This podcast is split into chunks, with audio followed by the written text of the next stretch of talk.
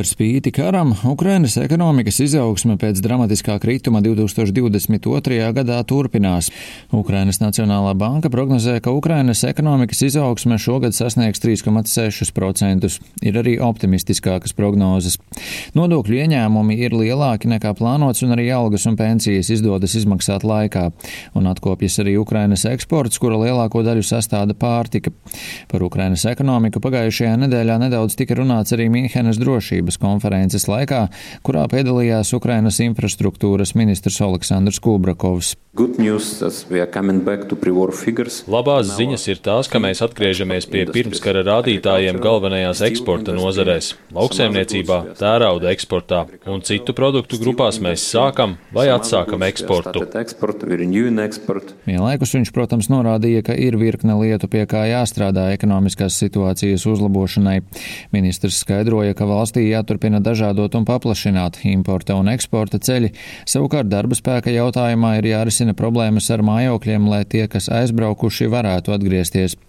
Ienākumus ierobežo arī ārvalstu uzņēmumu atturība investēt valstī, kurā plosās karš, lai gan esot daži uzņēmumi, kas investīcijas pat audzējot.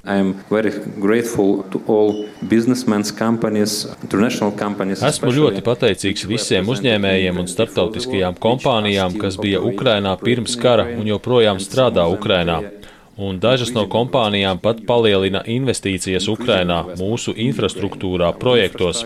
Tās atveras un arī paplašinās. Problēmas aizvien sagādā arī strīds ar poļiem, kas turpina protestus uz robežas ar Ukrainu, vēlmē neielaist Ukraiņu kravas.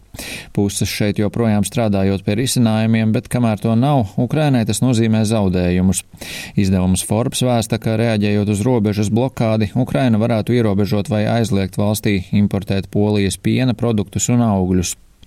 Ukrainas ekonomika turpinājusi atkopties pateicoties ne tikai uzņēmēju un iedzīvotāju augstajai pielāgošanās spējai karā apstākļiem, bet arī saudzējošajai fiskālajai politikai, ko atbalsta plašs starptautisks finansējums.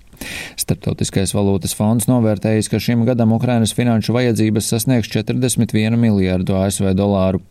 Skaidrs, ka ārvalstu palīdzība joprojām ir kritiski svarīga.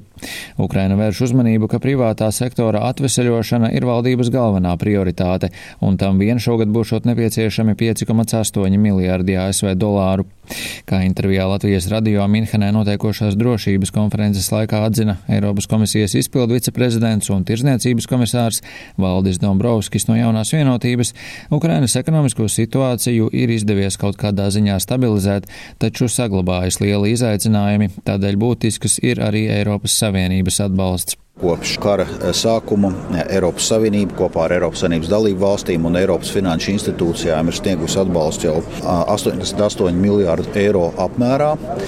Tagad ir panākta vienošanās par Ukraiņas atbalsta programmu 50 miljārdu eiro apmērā tuvākajiem četriem eh, gadiem.